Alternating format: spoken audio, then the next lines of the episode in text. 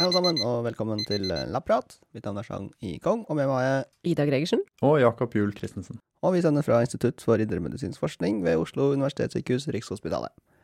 Velkommen tilbake, Jakob. Takk, takk. Hva har du gjort uh, siden sist, da? Nei, du vet, det er forskning, analyser. Sitter og analyserer noe data i disse registerprosjektene som jeg er involvert i. Så um, prøver å rappe opp et prosjekt der og skrive ferdig en artikkel. Eller manus til en artikkel. Så ja. det, det er det dagene går til. Hva med deg, da? Nei, det siste har vært mye ja, det er skrivearbeid som vanlig, vet du. Er Mm. der jeg eh, ofte, er jeg ofte holder på med. Men eh, nei, nå er vi jo i sluttspurten. Du er jo også sterkt involvert der, Chang, på en artikkel som vi har holdt på med. Ja, den, ja. Ja, den, ja. Eh, prosjektet har jo vart i, jeg vet ikke, i hvert fall siden 2015, tror jeg. Ja. Så det blir nydelig å få sendt inn. Så nå har den um, artikkelen vært i det, det vi kaller en revisjon, da. Mm. Så vi har sendt den inn til et tidsskrift, og de har kommet med forslag og ting vi kan Eller de har spørsmål til oss om hvorfor har vi gjort sånn, og hvorfor har vi gjort sånn, og kanskje dere kan gjøre dette, og Mhm. kanskje det blir bedre hvis dere gjør dette, eller sånn. Uh, så har vi prøvd, da, å gjøre disse tingene, og jeg føler oss fornøyd med det. Eller i hvert fall er fristen nå, da, så da må vi bare sende inn. Men uh, vi er egentlig vi er jo veldig fornøyd med resultatet, så Ja. det blir veldig spennende. Jeg håper de vil ha den. Mm. Så den skal sendes inn nå. Så da håper vi at de ikke får den tilbake igjen med mer eh, vi må gjøre. For det Nei, kan jo skje også. det kan de, også skje. de sier ja, ja, vi vil ha den, men dere må gjøre det, det, det og det. Yes. Det er gjerne revyer nummer to eh, Ja. som ber om litt. eh, Ja, ja, ja. Her var det fire revyere, så det, ja. Nei da. Vi får håpe at de er i godt humør når de får den. De kan jo også eh, gi oss avslag, selvfølgelig, og si nei Mm. takk. Så det, det er Håper de har alltid spennende. spist, eh, spist godt og Ja. vært uthvilt når de har åpna e-postinnboksen. Absolutt. Ja. Ja. Nei. Og du, Sjang? Nei, jeg har jo vært med på den review-prosessen, da. Ja. Ellers så driver jeg og skal skrive på en artikkel som eh, jeg også har ruga på ganske lenge. ja. Så vi får se åssen det går. Spennende. Denne, den må jo da gjennom en sånn review-prosess eh, før den eventuelt blir publisert, da. Mm. Så det er jo et, det er litt lenger fram i tid at den Mm. er ferdig. Ja. Men det nærmer seg. Ja. Det nærmer seg. Så er det alltid veldig deilig når man liksom bare får sendt av gårde. For da har man liksom i hvert fall som regel eller noen uker egentlig så man liksom kan glemme artikkelen litt. Mm. Og så eh, får man jo tilbakemeldinger etter hvert, men da kan man liksom gjøre andre ting. Mm. Men eh, har jo også hørt historier der du liksom får umiddelbar sånn avslag. Så er det sånn å, gud. Ja. Eller så må du liksom drive og sende inn på nytt, og så liksom Ja ja, det ble ikke noen pause. Man fikk ikke de par dagene med fri engang. Nei, nei. Men vi eh, har jo invitert deg tilbake igjen, Jakob, for å snakke om disse nye nordiske kostholdsrådene. Mm. Eh, og for de av dere som ikke har hørt eh, første episode i denne serien, så anbefaler vi å starte der. Mm. Og så eh, skal vi da i dag gå løs på neste tema. Mm. Men før vi gjør det, Jakob, jeg bare lurer på eh, Du som eh, nå har blitt litt kjent for å ha vært med å lage disse kostholdsrådene, blir du gjenkjent på gata? Ja, ja, ja. kommer, jo, det kommer masse folk og tar selfies. Nei, nei, det, nei, det, nei, nei dessverre. Nei. Vi skal jobbe hardt for det her, skal- eh, og promotere deg. Ja, fantastisk, fantastisk. Men da får vi bare hoppe inn i neste tema i denne serien. Mm. Vi skal snakke om kjøtt. Mm. Ja, vi eh, har hørt mye om eh, anbefalinger rundt inntak av kjøtt i mediene allerede. Mm. Men vi må kanskje starte med å eh, si noe om hva er, liksom, hva er definert som rødt kjøtt? Ja, det er et fint sted å begynne. Rødt kjøtt er jo generelt det, det defineres litt forskjellig, avhengig av hvor, hvem du spør. Men generelt så kan du si at det er muskulatur fra pattedyr, da. Um, og uh, når du ser på hva folk spiser av, av rødt kjøtt, så er det som regel noen få, um, få arter eller noen få typer dyr, da. Så du har uh, særlig uh, storfe. Um, I Norge så har vi også mye uh, sau og, og geit eventuelt, og også gris. da. Viltkjøtt er også, eh, kan, kan i noen tilfeller også være en del av denne definisjonen, men ikke alltid. Mm. Så eh, kylling, and og fjærfe er ikke med. Det er det vi kaller hvitt kjøtt. Og rype, selv om kjøttet er litt sånn rødlig. Eh, ja, jeg tror det også vil inngå som eh, en del av eh, fjørfe, uten at jeg skal være bastant på, på det. Men vilt igjen er litt sånn Det inngår Det er så utrolig liten andel av total mengde kjøtt vi spiser. Så akkurat hva det blir definert som, Det er ikke helt eh, Men jeg vil, jeg vil kalle fjørfe. Mm. Eh, Rype vil nok også inngå som fjørfe, så, så vidt kjøtt i så fall. Ja, men hva med ting fra havet? Eh, Fisk og sånn er det noe annet? Eller det er en egen kategori i, i eh, denne rapporten. Ja. Hva med skalldyr og sånne ting? Det er også en del av fisk og skalldyr. Ja. Det, det er sjømat. på en Sjømat, måte. Ja, går sammen. Mm. Hva med ja, hval? Ja. ja, det er et godt spørsmål. Det er ikke helt sikker på hvor det vil eh, inngå, men eh, det er vel et pattedyr, så det, teoretisk kunne du eh, Mm. putta det i rødt slett-kategorien, men, Mm. eh, men eh, det er jo en forsvinnende liten andel av eh, total mengde kjøtt spist, så Mm. i hvert fall nå om dagen, så eh, jeg generelt Jeg har egentlig ikke sett så mye data på hval, må jeg innrømme. Mm. Så mm, Men hva med insekter? Hva med insekter? Ja, det er et godt spørsmål. Eh, det, I hvert fall ikke, i hvert fall ikke rødt kjøtt. Ja. er det inkludert i kostrådene? Eh, Nei, nei, nei, nei. Vi har ikke gitt noe råd om insekter. Det, Men det, det er fordi det er så lite i bruk i vårt kosthold, da. Det er vel derfor?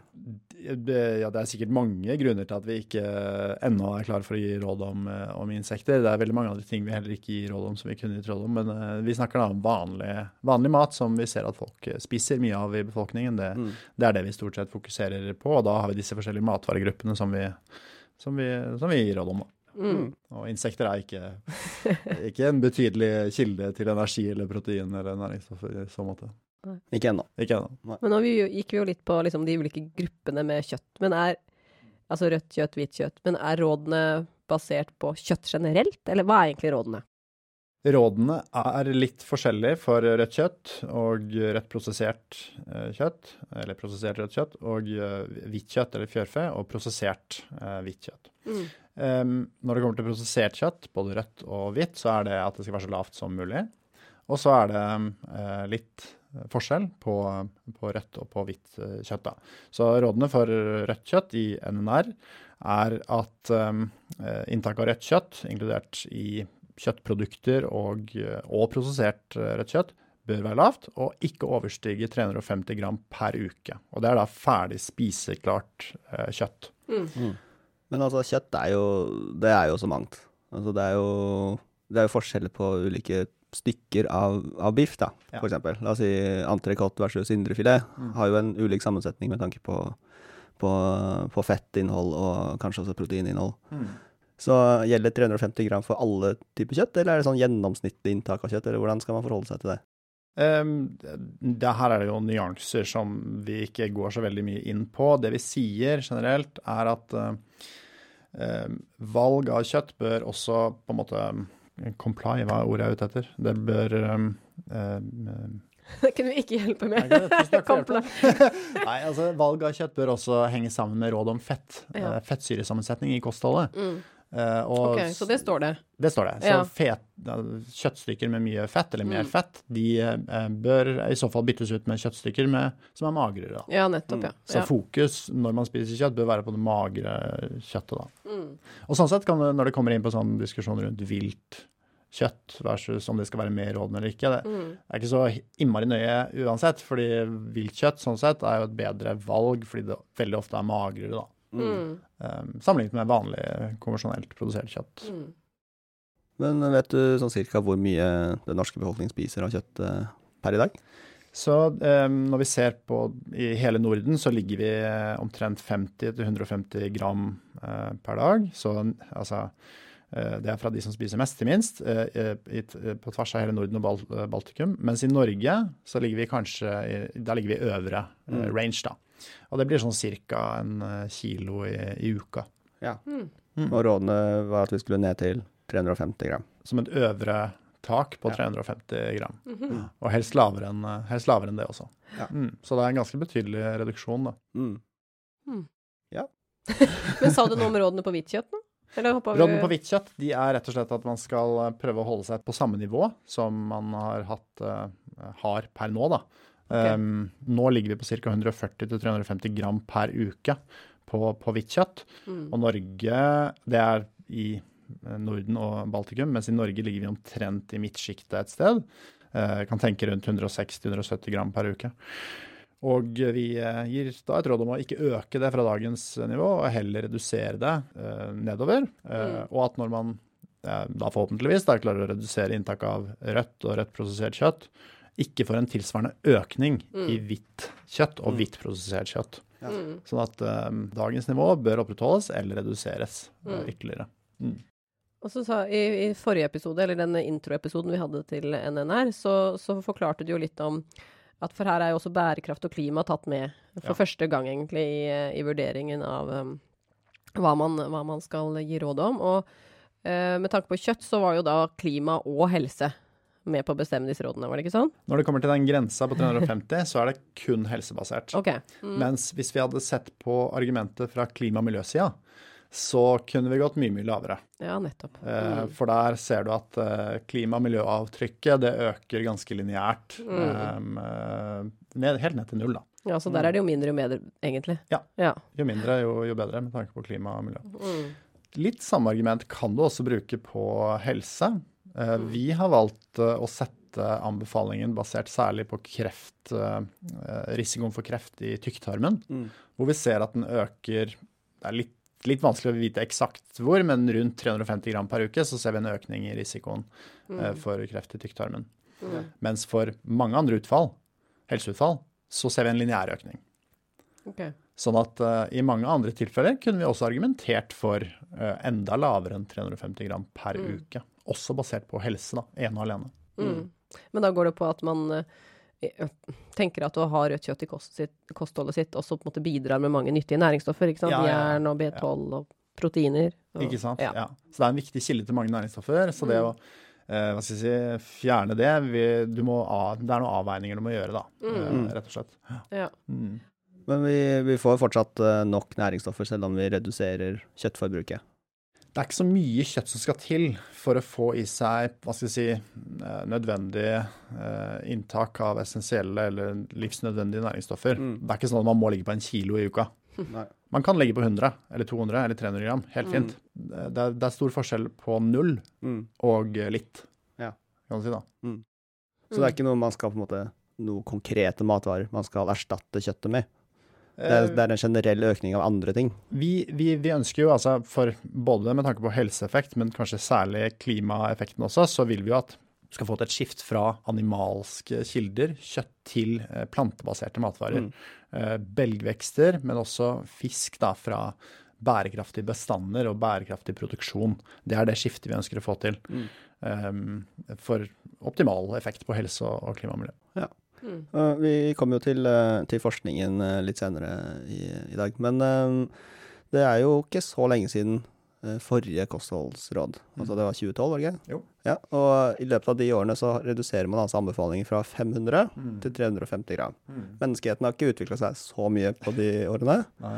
Så um, hvorfor er det en så stor reduksjon, hvis ikke klimaet en ikke er en bidragsyter i de anbefalingene? Eh, det er, var egentlig ganske likt uh, tilbake uh, da. At anbefalingen var 350-500 gram mm. i uka som ja. en øvre grense allerede da. Så man snakka om mm. disse nivåene. Nå har vi valgt å legge oss på nedre, basert særlig på risikoen som øker for kreft i tykktarmen. Ja. Um, men ja, jeg er enig, forskningen har ikke endra seg så mye, men du har fått noe ny, ny forskning, særlig da på, på kreftrisiko. Uh, så basert på den nye kunnskapen yes. på toppen av det vi hadde den gang da, ja. så er disse rådene mer i tråd med dagens kunnskapsbakgrunn, da. Helt riktig, ja. Mm. Men kan man også si at, for du sa at selv om klima ikke har hatt så stor betydning, så vil det jo på en måte, det er jo nå tatt med i vurderingen, så man har vel kanskje også hatt det i bakhodet, at man tenker sånn vi legger oss her fordi klima skal også spille en rolle, selv om vi kan ikke liksom følge klima slavisk, for det vil kanskje gå på bekostning av helse. Helt riktig, ja. veldig godt poeng. Ja. Hvis, hvis, vi hvis vi skulle fokusert på klima ene og alene, så hadde det vært uh, uforsvarlig. Mm. Fordi det ville sannsynligvis ført til næringsstoffmangler mm. um, og andre helseutfordringer enn dersom vi har helse i bånn, og mm. så på en måte har et tillegg av klima. Da. Mm. Som sagt så vil fra et klimaståsted så vil du kunne argumentere for et mye lavere inntak av uh, rødt kjøtt og hvitt kjøtt mm. og fisk uh, enn um, og meieriprodukter mm. uh, enn en det vi har lagt oss på nå. da. Ja. Fordi vi tar hensyn til helse, inkludert behov for næringsstoffer, mm. uh, først og fremst. Ja. ja, så du sier at uh, hvitt kjøtt det har jo også et mm, helse- eller klimaperspektiv, men hvordan er det med helseperspektivet der? Ja, helseperspektivet for hvitt kjøtt er eh, litt annerledes. Eh, du kan si mm, eh, det er ganske nøytralt, på en måte, sammenlignet med rødt kjøtt. Mm. Det er ikke sånn at Ja, ganske nøytralt per se, da. Så du, du har ikke verken noen åpenbar negativ effekt eller positiv effekt med tanke på inntak av hvitt kjøtt. Nei. Så når du sier at hvis Unntaket her, må jeg bare skyte inn, det er ja. prosessert. Prosessert hvitt kjøtt. Mm. Der ser du også, som regel, de studiene som gjøres, ser på prosessert kjøtt, ofte da rødt og hvitt prosessert kjøtt samla. Mm. Uh, og da ser du en, en tydelig tendens, da. Mm. Uh, sånn at uh, risikoen ved prosessert kjøtt, den er, den er, der absolutt. Ok. Så når du sa innledningsvis at man ønsker på en måte å holde, eller anbefaler å holde nivået av hvitt kjøtt relativt likt som det vi har nå, ja. selv, også selv om vi reduserer på rødt kjøtt, så skal vi ikke, helst ikke øke mm. inntaket av hvitt kjøtt. Mm. Da er det klima da man tenker på. Da er det klima man ja. tenker på. Ja. Mm. mm. OK, så hvis hvitt kjøtt er sånn relativt nøytralt for helse, eller i hvert fall ikke er noen negative helseeffekter forbundet med, da, så hvorfor skal vi da eh, når det ikke er prosessert, altså. Eh, men hvorfor skal vi da redusere inntaket av rødt kjøtt som basert på helse? Det rene røde kjøttet, altså det som ikke er prosessert også, ikke bare det prosesserte. Ja, der har du litt forskjellige uh, typer data som, som peker i, i, i, en retning, og det er basert f.eks. på kreft kreftforekomst, men også forekomst av, eh, eller risiko for hjerte- og karsykdom og mm. diabetes type 2. da. Um, som eh, vi snakka om i den første episoden, rent sånn metodologisk så har vi jo prøvd å komme fram til kunnskapsgrunnlag som vi har tillit til, og som vi stoler så mye som mulig på. og Derfor bruker vi disse kvalifiserte syns, uh, kunnskapsoppsummeringene, eller systematiske reviewene. Mm. Som holder det vi anser for å være så høyt som mulig nivå, da, eller kvalitet med lav sjanse for uh, skjevheter og bias og sånne ting. Og når vi ser på den typen studier, så ser vi at uh, særlig risikoen for kreft i tykk- og endetarm, særlig tykktarmen, øker med økende inntak av rødt, uprosessert kjøtt, men også prosessert kjøtt. Så begge, begge typer bidrar til kreft i tykk- og endetarmen. Mm. Ehm, dette er studier som gjøres eh, kontinuerlig, kan du si. Et sånt svært prosjekt som gjøres av World Cancer Research Fund og andre, men særlig disse. da. Um, oppsummere litteraturen, um, støvsuge litteraturen og lager sånne oppsummeringsanalyser, metaanalyser og dos-responsanalyser. Og uh, der ser man et uh, ganske tydelig signal på, på um, kreft i tarmen. Mm. Og uh, de gjør også selvfølgelig analyser på veldig mange andre vev, veldig mange andre kreftformer, mm. uh, hvor du har det du kaller eh, limited evidence, litt svakere evidens, ikke noe like tydelig signal. Mm. så det er særlig den kreften i tykktarmen som er forbundet med, med inntak av selv uprosessert rødt kjøtt. Mm. Vet man hva, hvilke mekanismer som er i spill? Eller hvilke stoffer i kjøttet som er skadelige? Ja, man har masse, masse uh, altså indisier på mulige mekanismer, i hvert fall studier fra dyr og mennesker. Um, og de man mener er det viktigste, er dannelsen av såkalte heterosykliske aminer. Mm. Um, uh, polysykliske aromatiske hydrokarboner er et annet sånt stoff som kan, som kan dannes, kanskje særlig når du varmer opp uh, kjøtt. Mm. Mm. Og særlig kjøtt med altså det er fett, fettbestanddelen i kjøttet som særlig står for dannelsen av disse, disse mm. stoffene. Og de, de, er, de, kan være kreftfremkallende. Mm. Og um, i, de, i, tillegg så har det sånn uh, høyt innhold av hemjern, mener man også kan uh, føre til en uh, dannelse, altså endogen dannelse av N-nitrosostoffer, som også er kreftfremkallende da, i, i, i, celler i, tarmen. Mm. Så veldig mye av det handler om kjøttstykker. Når de varmes opp, så vil det Eh, ja, en, en, konkret mekanisme er at fettet varmes opp, smelter og faller ned på oppvarmingskilden. Det vil umiddelbart forbrennes, og det dannes flyktige stoffer. Mm. Uh, Dvs. Si at det går over i luft, luft, luftig form, eller luft, uh, gassform, mm. og stiger rett til værs. Og mm. treffer ofte rett på kjøttet.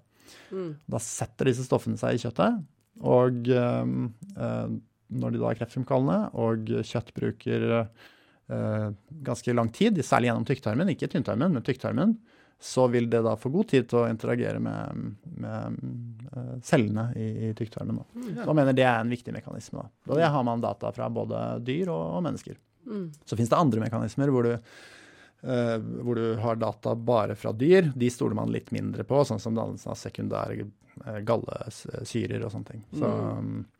En god del eh, data, data der på, på mulige mekanismer. Ja. Mm. Da, det var jo noen eh, litt sånn eh, tekniske detaljer. ja, beklager, beklager, beklager. Begrep, men en ting jeg plukka opp, det, det hemjern. hemjern det er jo det som gir rødfarge. Ja. Er det f.eks. til blodceller og sånn, da. Uh, er det derfor at rødt kjøtt er farligere enn hvitt kjøtt? Man, ja, det, man tror jo at det er en mekanisme, da. Ja. Mm. ja. Um, så ja, det er, eh, det er riktig. Mm, og blodpølse, for eksempel. Det er eh, noe av det verre man kan spise? uh, da vil jeg nok si at jeg tror kanskje ikke vi har så mye data på det. Men i teorien så kan det vel kanskje være et eller annet der. Men det er ikke, vi har jo selvfølgelig ikke data til å si, si noe konkret om blodpølse. Nei, det har vært veldig interessant. Ja. Igjen noe med hva som på en måte utgjør en stor del av et normalt kosthold og ikke Ja, ja, ja. ja men eh, det er spennende. Mm. Mm. Men du nevnte Jakob, så vidt om forskningen bak, da. Og vi nevnte vel så vidt også i forrige episode om at det er mye av den forskningen, den grunnforskningen som ligger uh, i grunn for disse mm. systematiske samlingsanalysene, uh, de, de, utføres jo f.eks. ved at man har frivillige som blir satt på en eller annen diett over en eller annen viss tid, mm. og så måler man effekten på det. Mm. Er det sånn man gjør grunnforskning på ernæring. Altså at man har eh, enten dyr eller mennesker som går på en kontrollert diett, og så ser man på helseeffektene? Ikke i de tilfellene her. Altså når du ser på kreft i tarmen, så, så, er på en måte utviklingen av den sykdommen tar så lang tid mm. at du kan ikke du gjør ikke studier der du eh, kontrollerer hva folk spiser over så mange tiår mm. eh, og ser på helseutfall. Eh, eh så det har vi ikke data på. Vi bruker mye observasjonsstudier, epidemiologiske data, der vi undersøker hva folk eh, spiser. Eh, og så følger vi de mm. eh, opp over lang tid, kanskje 15-20-30 år. Og så ser vi hva folk har spist over tid. da. Helst skal du kartlegge kostholdet flere ganger, ikke mm. bare én gang ved starten. altså sjekke hva de eh, sykdommer de fikk 15 år senere. Du må undersøke kostholdet flere ganger. da. Og I de beste studiene der du på en måte har data eh, som du stoler tilstrekkelig på, du føler deg ganske sikker på at denne, dette kostholdet har vært sånn og sånn over en viss tid, eh, og du selvfølgelig også har gode data på hvordan sykdom har blitt registrert, og du har data på mulige faktorer som kan ha påvirket disse sammenhengene, tatt høyde for de, Eh, da kan du samle det i denne typen analyser. Mm. Og hvis, eh, hvis, du i tillegg eh, har gjort en sånn samleanalyse, og den har blitt bestilt av en uavhengig hva skal jeg si, authority, sånn som World Cancer Research Fund og Verdens helseorganisasjon og andre, da stoler vi ganske mye på det. da. Så det er denne typen studier som, som er inngått her. Mm. Mm. Fordi det vi, det vi, gjorde i NNR, var jo at vi vi hadde eh, I utgangspunktet hadde vi et slags bakgrunns, eh, en bakgrunnsartikkel eh, som var skrevet av noen forskere, som dannet grunnlaget for våre anbefalinger om rødt kjøtt. Så dette bakgrunnskapitlet er skrevet av uavhengige forfattere, ikke oss i NNR-komiteen. Og de så på helseeffekter av inntak av kjøtt. Og de gjorde en grundig oppsummering og fant relevant litteratur. I tillegg så så vi også på klima og miljø, og der var det som sagt fire-fem sånne hovedarbeider som tok for seg klima og miljø, eh, hvor kjøtt og alle andre matvaregrupper var en del av, av arbeidet. da. Så det var på en måte bakgrunnskapitlene. Og så har du disse konkrete originalkildene, eller originalarbeidene, som har vært veldig viktige. da. Og på kreftsida så har det vært World Cancer Research Fund særlig, en såkalt kvalifisert systematisk review fra 2018, som har vært um, hovedevidensen. Mm. Der vi har det vi kaller sterk evidens da, for at rødt kjøtt fører til tykktarmskreft. og det, det, er en sammenheng som vi stoler på, og som vi kan gi råd ut ifra. Mm. Uh, denne sammenhengen var særlig sterk i europeiske populasjoner. Kanskje ikke så sterk utenfor Europa, men osv. Så, videre. så det er noen nyanser her, da. Ja, så i 2018 ble det utført et, en sånn samlingsanalyse, mm. der man samlet opp observasjonsstudier gjort, altså flere observasjonsstudier, som alle har uh, på en måte uh, blitt godkjent da, av de kriteriene dere satte dere. Yes. Og så har den, den uh, publikasjonen fra 2018 med disse da observasjonelle studier vært grunnlaget for anbefalingene som er i NNR i dag. Helt riktig. ja. Så den, den, har ikke vi gjort selv, men det er de som har gjort, og som vi har funnet verdig. holdt jeg på å si. Den har mm. høy nok kvalitet, den kan vi bruke. Og det var selvfølgelig veldig viktig, for det er masse bra arbeid der ute som vi har brukt mye tid på å identifisere og finne. ikke sant? Og dette er et sånt eh, arbeid. da. Mm. Um, og det de kom, kommer fram til, er som sagt dette med uh, tykktarmskreft. Og så påpeker de også at det er en slags um, det er en tilnærmet lineær sammenheng mellom inntak av rødt og prosessert uh, rødt kjøtt og risiko for kreft i tykktarmen. Og da snakker man om en ca. 12% økning per 100 gram uh, mer rødt kjøtt per dag. Mm. Ja, så hvis man spiser 100 gram kjøtt rødt kjøtt hver dag, mere, altså mer rødt kjøtt, så øker det kreftrisikoen med 12% Det er i gjennomsnitt. Helt riktig. Ja. Så den risikoen vi snakker om her, den er jo ikke en risiko tilsvarende f.eks. røyking mm. eller uh, andre eksponeringer som har en uh, voldsom uh, relativ risiko for spesifikke sykdommer. Men vi, vi, det er allikevel veldig mange i populasjonen som mm. spiser kjøtt. Mm. Og variasjonen i inntak av rødt kjøtt kan da forklare en en viss andel av forekomsten av tykktarmskreft. Ja. Det er på en måte noe av logikken bak det her. Um, så det er jo på detaljnivå. En, um, en annen studie som uh, gikk med inn i evidensen, er så, den såkalte Burden of Proof-studien, som var en del av Global Burden of Disease-prosjektet. Denne studien, eller samleanalysen, den kom fram til at det var mer um, svakere evidens, med, med rødt kjøtt og forskjellige utfall. Men det vi la merke til i den analysen, var at de bruker en veldig konservativ metodologi for å særlig gradere evidensen. Da. Vi har jo sagt at vi ønsker sterk evidens. Vi ønsker bare å gi råd når det er sterk evidens. Mens i denne uh, samleanalysen så fant vi at det var svak evidens. Ja. Så her er det en diskrepans. Mm. Vår vurdering er at den var for konservativ til at vi kan benytte den alene. Mm. Uh, og valgte derfor å ha den med og, og omtale den, men ikke råd, råd basert på den. Men uh, dere har vel ikke basert det kun på én uh, sånn oppsamlingsartikkel?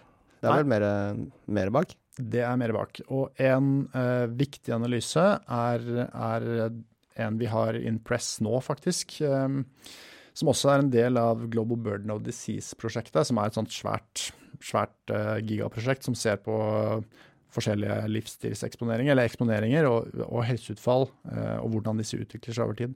Vi har sett på dette i Norden og Baltikum, og det vi ser, det er at et kosthold um, som er høyt, altså i stor grad basert på rødt kjøtt, det er den fjerde høyeste risikofaktoren for det vi kaller uh, disability adjusted life years, altså en slags mål på morbiditet. Da. Tap av uh, arbeidsår? Ja, tap av leveår. Tap av gode leveår. Ja. Ja. Mm. Uh, sånn at det er en viktig risikofaktor i denne typen analyse, analyser også. Og Det samme gjelder prosessert uh, kjøtt. Den er blant uh, de høyeste risikofaktoren for uh, nettopp altså sykdomsbyrde da, mm. i vår region. da ser man ikke nødvendigvis på spesifikke sykdommer, men mer sånn generelt. Yes. Ja. ja. Mm. Og så um, I tillegg til den så har vi um, masse data fra såkalte kostmønsteranalyser. Og i 2020 så gjorde amerikanerne en rekke rekke sånne kostmønsteranalyser og så på hvordan det kostmønsteret hang, hang, sammen med forskjellige helseutfall. Og ganske gjennomgående så ser du at um, kosthold som kvalifiseres av lavt inntak av rødt og prosessert kjøtt, det henger sammen med liksom, god helse. Mm. Liksom, gjennomgående. Nesten uansett hva du um, ser på. da. Og du har særlig sterk evidens for lavere risiko for um, total dødelighet og hjerte-karsykdom. Eh, men også en god del data på diabetes type 2 og type sånn fedme. Ja. Ja. Så når du ser på disse kreftanalysene, um, kostmønsteranalysene uh, samla og Global Burden of Disease, så får du et ganske tydelig bilde, da. Mm. Alle peker i samme retning. De peker i samme retning. Redusere ja. inntaket. Redusere inntaket er på en måte uh, gjennomgående. Mm. I tillegg, da, så har disse forfatterne som har skrevet dette bakgrunnsarbeidet på rødt kjøtt, og også hvitt kjøtt, um, trukket fram en rekke andre samleanalyser som ikke er hva skal jeg si, kvalifiserte systematiske revyer. Mm. De, per våre definisjoner så kunne vi ikke basere uh, kostrådene på dem, mm. men som allikevel er veldig interessante. Mm. Og der er det mye eh, data på hjerte- og karsykdom, forskjellige aspekter av det. Enten du ser på hjerteinfarkt eller slag eller total hjerte- og karsykdom, insidens av diabetes, eh, som peker i én retning. Og det som er interessant med disse analysene, det er at de er ganske lineære. Det vil mm. si at jo lavere rødt kjøtt og rødt prosessert kjøtt man spiser, jo lavere risiko for sykdom ser man. Mm. mm. Så der er det ingen sånn cutoff. Mm. Det er ingen sånn tydelig Ingen trygg grense. Ingen trygg, eh, ja, jeg går Eller- trygg nedre grense. Du kan si Mm. risikoen for sykdom øker uh, ganske lineært fra Mm. veldig lavt inntak. Mm. Så det er veldig vanskelig å sette en sånn cutoff og si her, eh, her skal man spise altså mindre enn 350 Mm. gram per uke, fordi det finnes gode argumenter for å gå enda lavere enn det òg.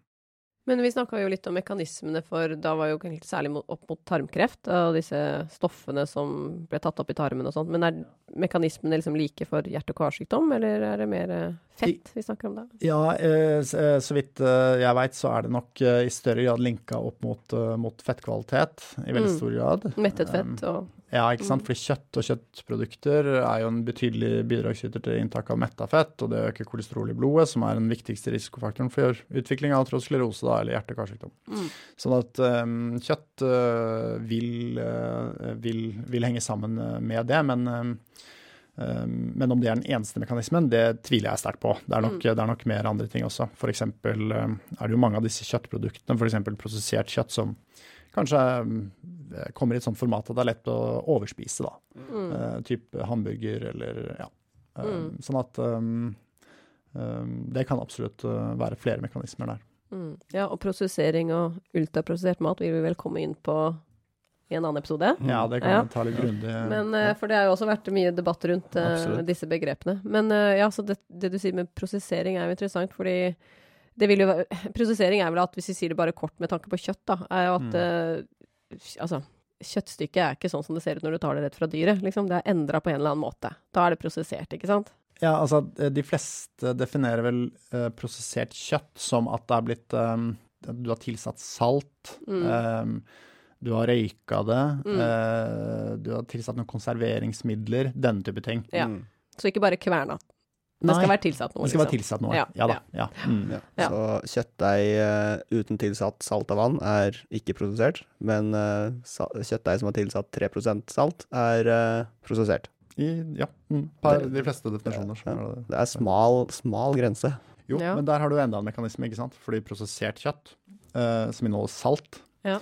Vil jo ofte eh, Altså saltinntak vet man er ganske lineært eh, assosiert med blodtrykk. Mm. Så jo mer man spiser av prosessert kjøtt, jo høyere eh, sjanse for utvikling av hypertensjon vil du få. Mm. Og Der er det også en ganske lineær sammenheng med utvikling av hjerte- og karsykdommer, særlig slag. Mm. Mm. Ja, ikke sant. Så og prosessert eh, kjøtt vil jo da ofte kanskje ha mye ja, fett og salt. Mm. Eh, kanskje begge deler. Og sånn som du sier, kanskje være tilgjengelig på en måte som man spiser mye, eller spiser mer enn man ellers hadde gjort. Ja. Ja, ja. Det er et veldig stort begrep, prosessert mat. Det er det, ja. Men det kommer vi tilbake til i en eh, Mm. annen episode også. Men det er interessant, ja, det er interessant å poengtere, fordi mange har et sånt klart, tror de har et klart bilde av hva prosessering er, eller hva Mm. prosessert mat eh, er. Men eh, når man snakker om det, så er det veldig ofte får man forskjellige svar, da. Mm. Og eh, folk vil ofte definere det forskjellig i litteraturen også. Mm. Selv om akkurat det med kjøtt, den, den tror jeg er ganske etablert. Ja. Ja. Men med tanke på altså, sånn det kjøttet man spiser i vanlig norsk kosthold, altså er jo, vil jeg si, mye av kjøttpålegget er jo prosessert, da. Mm. Det er pølser, og det er speka og skinke som er røkt, og ikke sant. Det Yes. er vel nesten ingen omtrent vanlige kjøttprodukter som ikke er prosessert, kanskje? Nei, det, det, er, det veldig mange er det. Ja. altså rent uh, kjøtt, da snakker vi vel stort sett kjøttstykker, typ. Mm. Um, Ja. Så hvis det rådet nå er å altså begrense det så mye som mulig, så vil det jo Mm. egentlig si å ja, kutte kjøttprodukt ja, kjøtt, kjøtt på brødskiva, da. Ja. I stor grad. For de fleste, da, vil det jo bety det. Jeg vil, tenke, jeg vil tenke at kanskje det, Kutte ned på, i hvert fall, da. Uten at jeg har de tallene helt foran meg, hva som er hovedkildene til produsert kjøtt i det norske kostholdet, så tenker jeg at um, pølser er vel kanskje en Pølser og pølseprodukter er kanskje en hovedkilde for mange. Mm. Ja, salami og, og, og den type pålegg, men um, Det blir ikke de store mengdene. det er ikke de store mengdene. Nei. Du kan spise litt pølser når du først er i gang. Ja, det er sant. Um, Men samtidig, hvis du spiser liksom fem-seks skiver hver dag med kjøttpålegg, da, så ja. ja, hvis Kan du det jo spiser så mye, så kan det bli ja. mye. Jeg er helt tipper jo at noen gjør det. Ja, ja, ja, ja absolutt. Skal ikke, Mm. ja. Eller er mye på barnebursdag. Da går det mye pølse. Da går det mye pølser. Da Ja. får du Det er det liksom- moduset du er i, Ja, Sjang. absolutt. Barnebursdag-moduset. ja, kjenner meg igjen. Ja. Så noe av det nye som vi nevner igjen og igjen, det er jo eh, integreringen av klima og miljø. Så eh, hvor stort avtrykk eh, gir det egentlig å, å spise rødt kjøtt? Nei, det er jo eh, det kommer litt an på hvordan du måler det, da. Og vi skal jo ha en litt en egen Vi kommer tilbake litt til konkret hvilke faktorer vi har ansett for å være viktige. Men når det kommer til rødt kjøtt, så kan du si at rødt kjøtt er ansett fordi vi spiser så mye rødt kjøtt mm. i vår region, så er det ansett for å være den viktigste bidragsyteren til utslipp av klimagasser. Um, og um, drøvtyggere i mye større grad enn ikke-drøvtyggere. Ja. Så kan man si storfe større, og sau og geit i større grad enn en gris. Mm. Um, um, så det, det, det er liksom det, i bunnen så ligger liksom utslipp av, av klimagasser. Da. Ja, og da har vi regna med alt fra produksjon til, til slakt, transport og altså hele prosessen fra dyret er født til det er på middagsbordet. Ja, du kan si det, er, det vi tar utgangspunkt i, er konsumet. Ja. Mm. Ikke sant? Så det er den ferdige, eh, ferdige mengden du sitter mm. med, som er utgangspunktet vårt. Ja. Eh, og i det så går det selvfølgelig veldig mye av eh, Altså alt fram til det mm. ligger på bordet foran deg. Mm. Um, så det er det som er utgangspunktet. Det er veldig viktig å ha, ha i bakhånd at hele tiden det er det du spiser. Mm. Klimaavtrykket til det du spiser. Ja. Ja. Mm. Men det, det, er jo flere andre detaljer som det går, går an å få fram, da, fordi det er jo ikke kun utslipp av CO2-ekvivalenter som, som, har inngått her, selv om det er liksom en veldig viktig faktor. Mm. Når det kommer til drøvtyggere, så har du jo selvfølgelig metanproduksjonen. Men du har også produksjon av uh, fôr, mm. som er en kjempeviktig faktor. Uh, det at du bruker sprøytemidler, og du bruker du bruker veldig mye ferskvann, tar mye landareal mm. for å produsere fôr, og dermed også redusert biodiversitet. da. Mm. Så disse, dette er også sånne type faktorer som vi er veldig opptatt, uh, opptatt av. Mm. Og utslipp av typ fosfor, nitrogen, forbruk av fosfor og nitrogen og, og, og sånne ting. Mm. Som vil påvirke eh, miljøet da, og mm. naturen. Um, det er jo selvfølgelig også noen positive sider rent sånn klimamessig. Man kan i hvert fall argumentere for noen pos positive effekter av uh, eh, f.eks. storfeproduksjon eller, eller saueproduksjon. Mm. Uh, og det kan være at, um, at dyr går og gresser kan ha en positiv effekt på biodiversiteten. Mm. Og vedlikehold av kulturlandskap og den type ting. Så det finnes absolutt noen positive argumenter, men de må selvfølgelig da veies opp mot mm. den negative konsekvensen ved at du får uh, klimaendringer. Da. Mm. Ja. Mm. Og når du kommer til gris- og svineproduksjon, så har du også en del um, aspekter rundt um, håndtering av um, avføring, mm. som kan være betydelig. Da. Men du sier at det er jo forskjell i produksjon og utslipp eh, mellom de forskjellige si, gruppene av dyr, da, altså sånn drøvtyggere og ja, gris og men, men man skiller ikke mellom de i rådene. Er det fordi man ikke har kunnskap liksom, som, Altså man har ikke nok forskning på de ulike gruppene hver for seg med tanke på helse? Man trenger masse mer forskning, og det er jo noe annet vi må si, komme inn på. Eh, de forskjellige typene rødt kjøtt. Mm. Særlig når det kommer til eh, klimasida, eh, trenger man mer data på. Mm. Men hva med helse? Der òg. Ja. ja. Mm. For man skiller ikke mellom ikke sant, gris, altså svinekjøtt, oksekjøtt i hvert fall ikke i våre, våre oppsummeringsanalyser, så er ikke Nei. det like, gjort like detaljert. Mm. Eh, det finnes eh, nok litteratur som ser på det, men mm. Eh, jeg er ikke 100 oppdatert på, på den biten. Mm. Men vi skriver det konkret at vi trenger mer data på forskjellige typer rødt kjøtt og mm. kjøtt. Og f.eks. av viltkjøtt. Men poenget er at det, det er veldig lavt inntak mm. av totalt inntak i populasjonen. Mm. Så selv om noen kan spise veldig mye viltkjøtt, så er det ikke tilstrekkelig til at du kan med hånden på hjertet si at det fører til den og den sykdommen. Mm. Du har sterke indiser, men pga. inntaket er så lavt, så, så, må vi jo selvfølgelig da ha mm. forbehold. Ja. Mm. Så, sånn er det med alle tingene du spiser litt av. Generelt når du skal gjøre denne type statistiske analyser i observasjonsstudier, så må du ha en tilstrekkelig høy eksponering. Mm. mm. Tilstrekkelig mange må være eksponert over en tilstrekkelig lang periode. Og så må sykdommen du undersøker, helseutfallet du undersøker, det må være tilstrekkelig prevalent. Mm. Og når en av disse mangler, mm. så er det veldig vanskelig å gjøre den analysen. Mm. Sannsynligvis vil du aldri få data nok Nei. på det, hvis ikke det, du får mm. Prevalent nok eksponering og utfall og lang nok tid. Mm. Jeg får litt sånn inntrykk av at uh, for si, oksekjøttet, eller biffen, da, den blir ofte dratt fram. Men nå er det jo kanskje det pga. Liksom metanutslipp og det klimaperspektivet som en slags sånn versting. Mm. Eh, men man tror også da at f.eks. svinefilet da, vil også ha en del av disse skadelige stoffene som øker risiko for sykdom. ikke sant? Så det er ikke mm. sånn at den Ja, mm. ja man mener det. Ja. Ja. ja. det er jo Man mener at de er tilstrekkelig like til mm. at man kan gruppere de og gjøre analysen sammen. Ja. Mm. Så for å oppsummere litt uh, til slutt, Jakob. Mm. Uh, vi skal altså, Rådene som er gitt, for dette er ikke, dette er ikke de nasjonale rådene, vi må bare presisere det òg. For mm. når, når, kommer de? Nei, forhåpentligvis snart, da, men uh, over på nyåret, kanskje.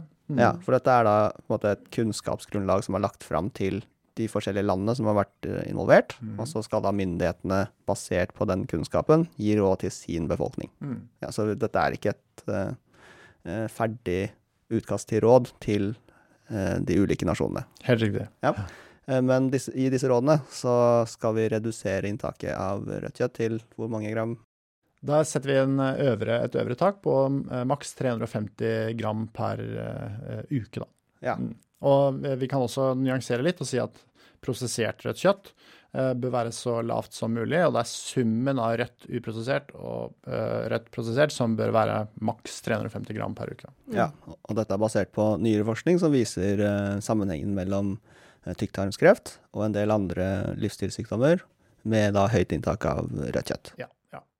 Men det betyr ikke at noen skal hjem og veie maten sin. Nei, det betyr det aldeles ikke. Man eh, kan eh, helt fint ta en vurdering på om, eh, om man syns kjøttinntaket er litt høyt, og, og, gjøre endringer deretter, men ikke begynne å veie maten og uh, bli fanatisk av den grunn. Altså, som det har blitt poengtert her tidligere, dette er en rett retning mm. uh, vi på en måte vil, uh, vil ha, ha, folk, da. Ja. Mm. Og, uh, og, som sagt, det er råd til myndigheter, mm.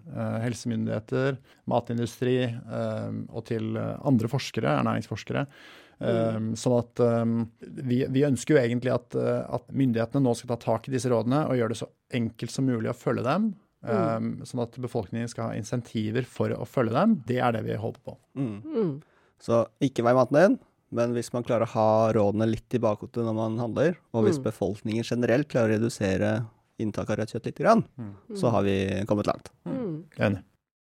Men vi kan kanskje runde av uh, praten om kjøtt, men vi skal jo snakke om uh, flere tema mm. osv. Ja, det blir uh, flere episoder med kostholdstema utover høsten. Mm.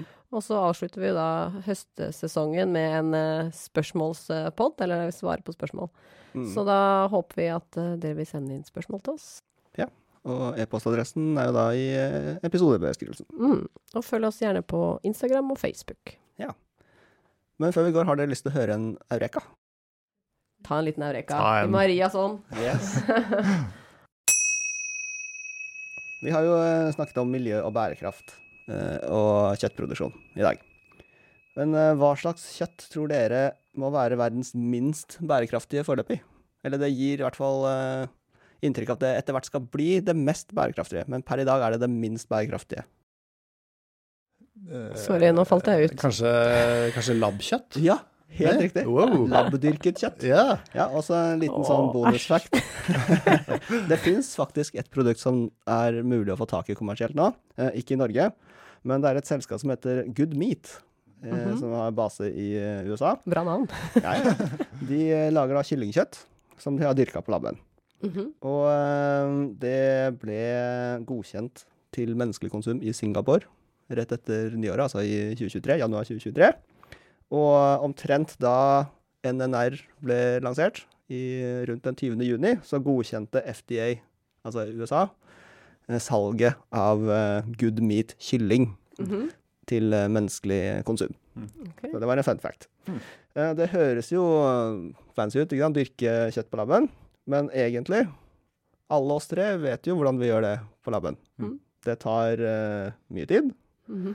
og det gjelder bare å dyrke nok, så har du noe du kan kanskje kalle kjøtt, da. Mm. Men hva tenker du om næringsinnholdet, Jakob, til labdyrket uh, kjøtt? Å nei, det må vi jo måle. Men det er jo så enkelt som det. Vi må bare måle det. Uh, nei, jeg kjenner ikke til næringsinnholdet, så, men uh, hvis man klarer å få det til å være nærings, uh, næringsmessig bra sammensatt, og, og, at det smaker og er noe som forbruker faktisk foretrekker, vil ønsker, vil ha, så jeg hyller det. Ja, ja, ja. Ja, Så du ønsker det velkommen hvis det kommer? Ja, ja, ja. ja selvfølgelig. Må jo, alle ting som vi tror kan dra i riktig retning, det må vi ønske mm. velkommen. Ja. Det spørs jo hvor bærekraftig det er, da. Ja, hvor lang tid tar lenge, det, liksom? Ja, altså jeg tror ikke det er det sånn ennå. ennå. Det, de, det produseres jo med med støtte fra, fra diverse, mm. for å liksom, få i gang den prosessen. Mm. Og så mm. kommer det kanskje mer etter hvert. Ja. Jeg vet ikke. Spennende. Det er sånn med mange av de her at det, begynner, det er ganske dyrt i begynnelsen, og så blir det mm. ja, litt mer konkurranse. Også. Mm. Men det var en, en bonus, uh, bonus jeg vet. Oh, ja, okay. ja, jeg får er virkelig jeg kan. Det er uh, mammutkjøttbolle. Oh. Det Hørtes eh, gammelt, gammel ut. Ja da. For det var noe som et australsk firma lagde i Eller ble vist fram, i hvert fall, i mars i år. Og firmaet heter da VOW. V-O-W. Og hadde dere smakt på det hvis jeg hadde fått sjansen? Mammutkjøttboller. Det kommer an på settingen, kjenner jeg. Ja, altså det er dyrka i laben, da. Ja, ja, ja. ja, ja, ja, hadde jo smakt. Ja, ja. Og nå skal du si ja, jeg har faktisk mammutkjøttbolle her sånn, da kan du smake. Dessverre, dessverre. Men det ble en stor snakkis eh, om det i, i media, og også her i Norge. Um, det ble i hvert fall slått opp da, på ulike nettaviser om at uh, dette er mammutkjøttbollen. Mm. Uh, men da jeg gjorde research i denne Eurekaen, så må jeg si at uh, det tok ikke veldig mange klikk før jeg kom fram til at det, det stemmer jo ikke i det hele tatt.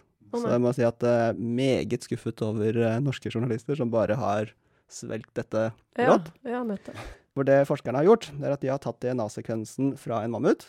Okay. Og så har de bare tatt ut sekvensen som kode for ett spesifikt protein, oh. som heter myoglobin. Mm -hmm. Og det er dette proteinet som binder oksygen. Apropos hemjern. Ja. Det er det som binder oksygen i musklene. Og det er det som gir rødfargen til muskler. Og i et vanlig kjøttstykke så inneholder det omtrent 1% myoglobin. Mm. Så hvis man bare skal se på tallene, så er det en, kanskje 1 mammut, da. Mm. Men denne, denne sekvensen var heller ikke komplett. Nei, okay. så den ble da supplert med noen koder fra afrikansk elefant. Mm. Så vi har en sånn hybrid mammut-elefant-sekvens. Og så ble den puttet inn i en stamcelle fra en sau. Og så fikk denne cella lov til å dele seg. Til den til slutt da ble ca. 400 gram med celler, som man da morsa sammen og lagde en kjøttbolle av. Det hørtes kjempegodt ut, da, ja. først og fremst. Frankenstein-kjøttbolle. Ja da. Men, det, men, dette er jo overhodet ikke en mammut. La nå det være klart. Men uh, her kommer da uh, dagens poeng. Og denne rekaen blir også et sånt moralsk etisk spørsmål som jeg håper dere kan svare på. For hvis man kan fortsette å dyrke kjøtt på labben, hvor går grensen til kannibalisme? Mm -hmm. for, for, eksempel, kan man putte sekvensen som koder for myoglobin fra et menneske inn i en sauecelle og lage en kjøttbolle som man kan spise? Eh, om det er lov, eller om ja, vi hadde, ville spist det? Hadde det, hadde det vært kannibalisme? Ja. Nei, det syns ikke jeg hadde vært så ekkelt. Nei, men hvor mange Nei, altså, Det i seg selv er vel ikke så innmari Nei, det er ikke noe like lite menneske som det der var mammut, på en måte. Ja, Men hvis man begynner å bytte ut flere, altså hvor mange proteiner må man bytte Nei. ut før man kommer til et menneske? Ja. Nei, det er et det er veldig filosofisk, filosofisk ja. Eh, spørsmål. Hva er et menneske? Ja. Det må vi tenke litt på sjøl. Ja, kanskje vi kan invitere våre lyttere til å være med på diskusjonen på Facebook. Og eh, så må vi ha med noen filosofer her som ja. kan pitche inn på, på, det her. Ja, så hvis noen som, hvis, hvis, det er noen som har lyst til å være med på diskusjonen, så send gjerne inn deres forslag til Facebook-sida vår. Vi kan jo poste spørsmålet på Facebook-sida vår, kanskje. ja, ja. Ja. Men det var da altså dagens Eureka. Noen har dyrka en kjøttbolle de mener er fra mammut, ja. men det er det overhodet ikke. Nei. Nei. Også litt sånn uh, påminnelse om at man må være kritisk når man leser ting som er i avisene. Absolutt. ja. absolutt. absolutt. Det gjelder for øvrig også når det kommer til ernæring. Yes. Vær litt ja, kritisk og mm. Men neste gang vi møtes, så skal vi jo snakke mer om uh, eh, NNR-rapporten. Mm. Men inntil da så skal vi uh, på labben en tur. Ja. Så da høres vi. Det gjør vi. Ha det bra. Ha det.